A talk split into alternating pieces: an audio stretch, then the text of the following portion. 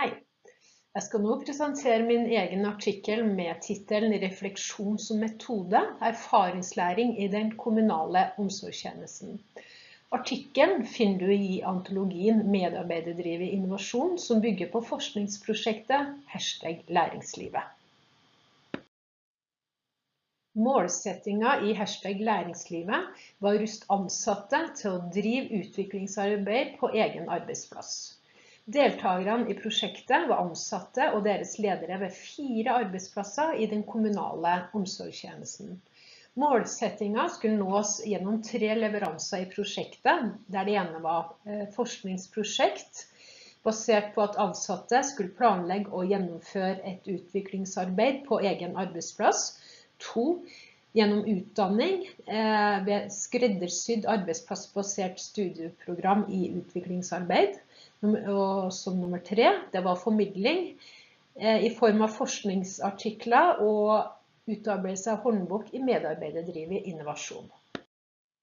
Hovedtema og forskningsspørsmål i artikkelen min eh, er som følger. Først hovedtema.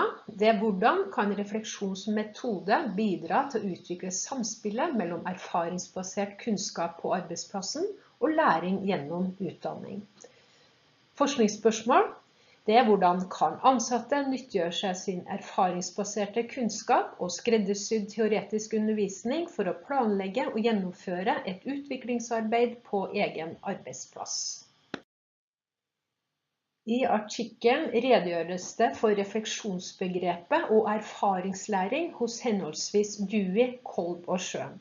I denne presentasjonen skal vi se nærmere på det teoretiske bidraget hos Dewey og Kolb. Vi starter med å se på erfaringslæring og betydningen av refleksjon hos Dewey. Først erfaringslæring. Ifølge Dewey så er handling nødvendig, men ikke tilstrekkelig. I tillegg kreves det refleksjon over handlingen. Det er to faser i refleksjon. Det som da utløser refleksjon er problematiske situasjoner, som da krever at man forholder seg aktivt til problemsituasjonen.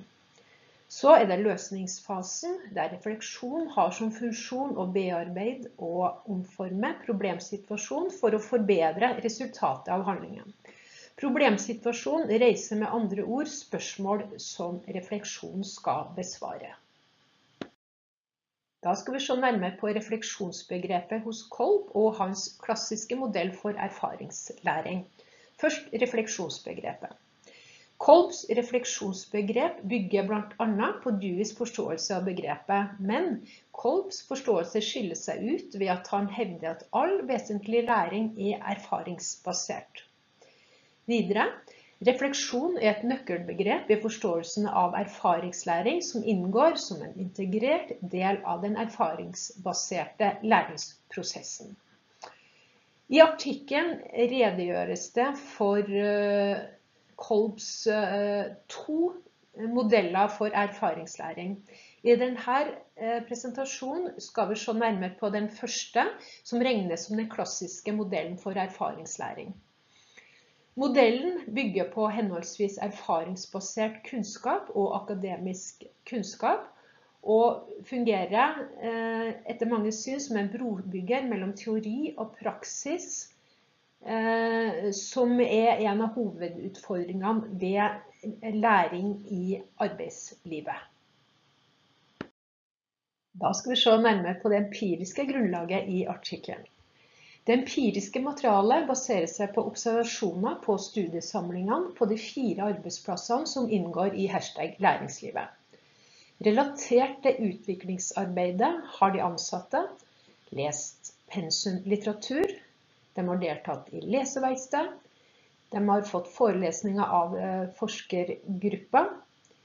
Eh, de har gjennomført flere læringsaktiviteter, og de har planlagt og gjennomført utviklingsarbeid på egen arbeidsplass. I artikkelen presenteres det empiriske materialet gjennom utvalgte sitater fra ansatte på studiesamlingene. I denne presentasjonen har jeg valgt ut ett sitat. Det er Etter å ha lest om refleksjon, reflekterer jeg over arbeidsoppgavene våre hele tiden. Sitatet er ett eksempel på hvordan den ansatte knytter teori og praksis sammen. Sitatene i artikkelen er eksempler på hvordan erfaringslæring faktisk skjer ved at erfaringer fra teori og praksis kobles sammen til gjensidige og forsterkende fenomener. Helt til slutt en oppsummering av artikkelen.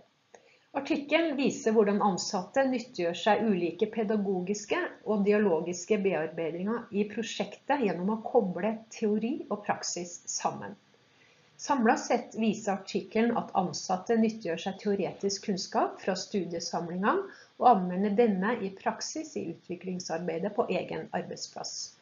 Erfaringsbasert kunnskap utgjør fundamentet i utviklingsarbeidet.